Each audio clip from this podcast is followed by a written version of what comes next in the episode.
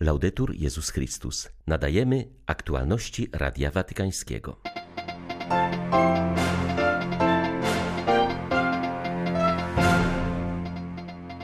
W trzecim dniu swojej podróży apostolskiej papież Franciszek przybył do Aten. W przemówieniu skierowanym do greckich władz zaznaczył, że bez Aten i Grecji Europa i świat nie byłyby tym, czym są, byłyby mniej mądre i szczęśliwe. Po południu papież Franciszek spotkał się ze zwierzchnikiem greckiego kościoła prawosławnego Hieronimem II. Ostatnim punktem pierwszego dnia pobytu Franciszka w Grecji było spotkanie z zaledwie siedmioosobową wspólnotą jezuitów mieszkających w Atenach. 4 grudnia witają Państwa ksiądz Krzysztof Ołtakowski i Łukasz Sośniak. Zapraszamy na serwis informacyjny.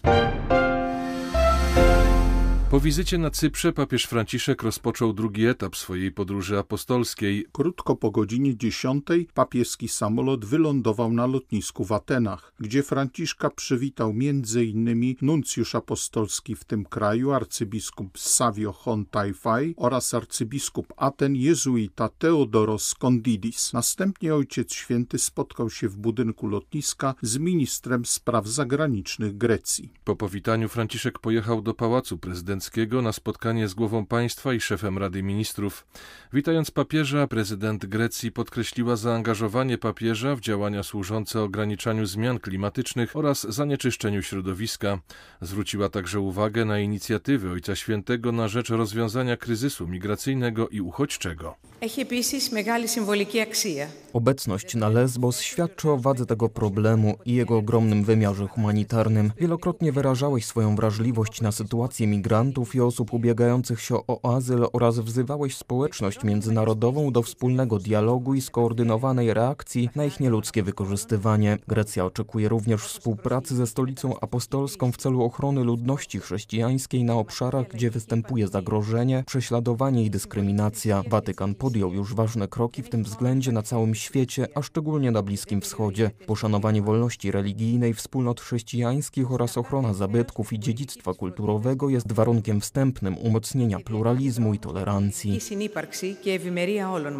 Następnie swoje przemówienie wygłosił papież Franciszek. Zaznaczył w nim, że bez Aten i Grecji Europa i świat nie byłyby tym, czym są, byłyby mniej mądre i szczęśliwe. Przypomniał, że zasadniczą cechą tej kolebki cywilizacji jest jej otwarcie na Boga, który daje człowiekowi wolność. To właśnie w takich warunkach zrodziła się demokracja. Człowiek zrozumiał, że drugi nie jest poddanym, lecz współobywatelem. Zwracając się do przedstawicieli władz i greckiego społeczeństwa, papież powiedział, że przybywa jako pielgrzym do miejsc przesiąkniętych duchowością, kulturą i cywilizacją.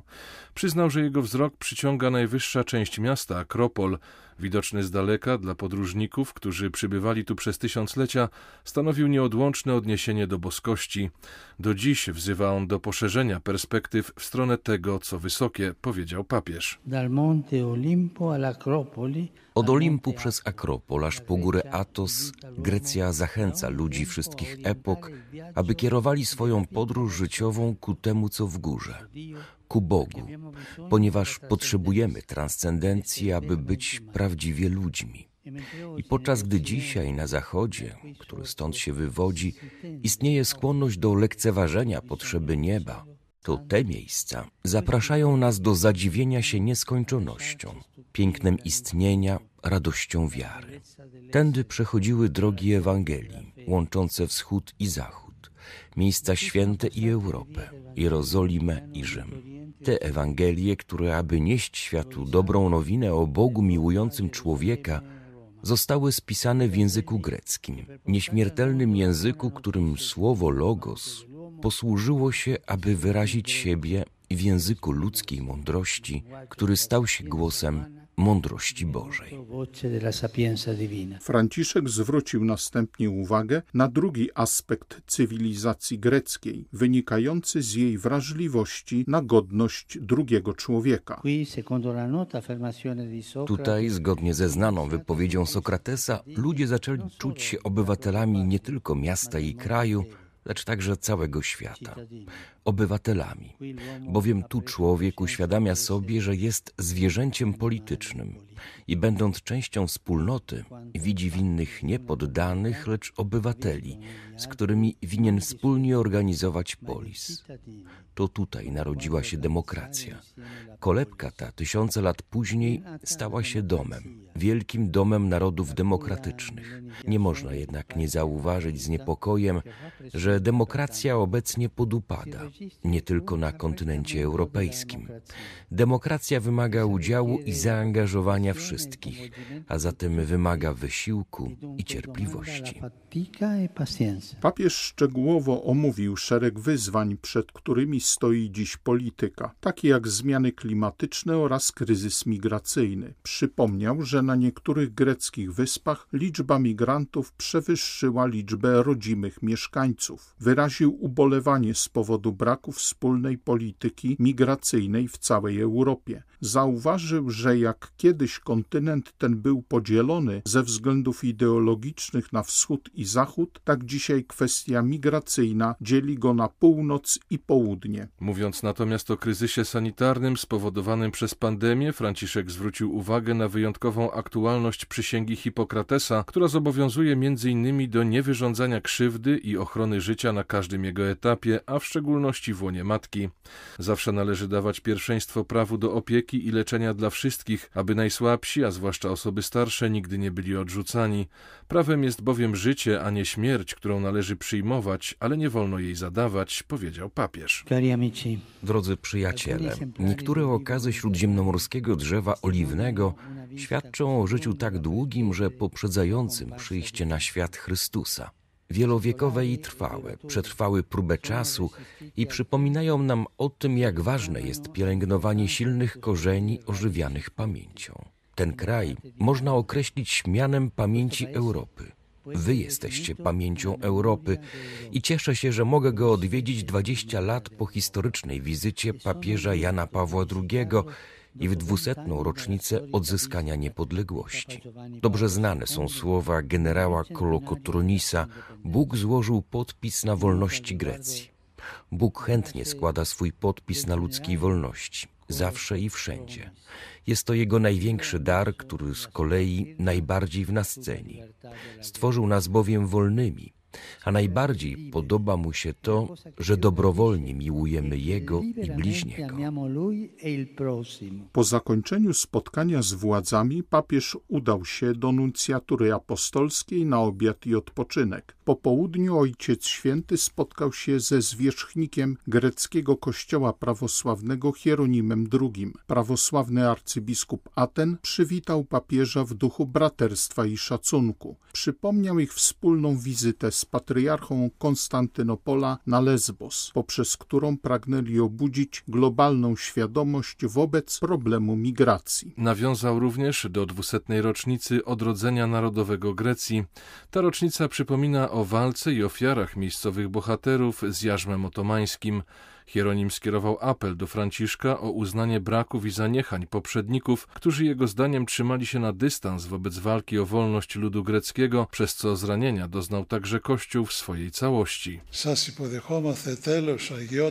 Witamy Waszą świątobliwość, uznając w Waszej osobie pokornego i kompetentnego głosiciela przekazu ewangelicznego na rzecz naszej jedności we wspólnej wierze w Chrystusa. Wspólna droga Kościoła rzymskokatolickiego i Kościoła prawosławnego w pierwszym tysiącleciu chrześcijaństwa może nas rzeczywiście wiele nauczyć. Ponadto zobowiązanie, które my, prawosławni, podjęliśmy podczas świętego i wielkiego synodu na Krecie w 2016 roku pod przewodnictwem naszej matki Kościoła z Konstantynopola, by kontynuować dialog teologiczny, jest konstytutywnym elementem naszej misji. Musimy kontynuować ten dialog w prawdzie i miłości, bez kompromisów i nietolerancji, by nie stwarzać przeszkód dla Ewangelii Chrystusowej, mając pewność, że nie wolno nam pozostawić podzielonej jednej tuniki Pana, ponieważ, jak mówi apostoł Paweł, Chrystus nie jest podzielony.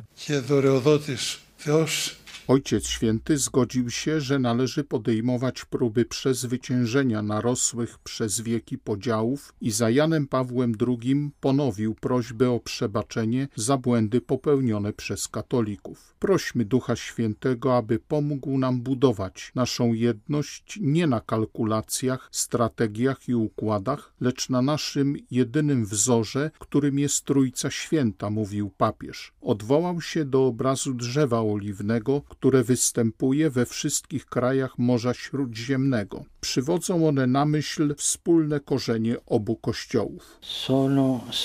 Znajdują się pod ziemią, są ukryte, często lekceważone, ale tkwią tam i utrzymują wszystko.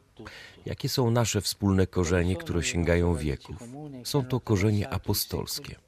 Święty Paweł je uwypuklał, przypominając o znaczeniu bycia zbudowanymi na fundamencie apostołów. Te korzenie, które wyrosły z ziarna Ewangelii, zaczęły przynosić wielkie owoce właśnie w kulturze helenistycznej. Później, niestety, skaziły nas trucizny świata. Konkol podejrzliwości zwiększył nasze oddalenie i przestaliśmy pielęgnować komunię. Ze wstydem przyznaję to w odniesieniu do Kościoła katolickiego, Działania i decyzje, które mają niewiele lub nic wspólnego z Jezusem i Ewangelią, naznaczone raczej rządzą zysku i władzy, doprowadziły do osłabienia komunii. W ten sposób pozwoliliśmy, aby zdolność owocowania została skalana podziałami. Historia ma swój ciężar.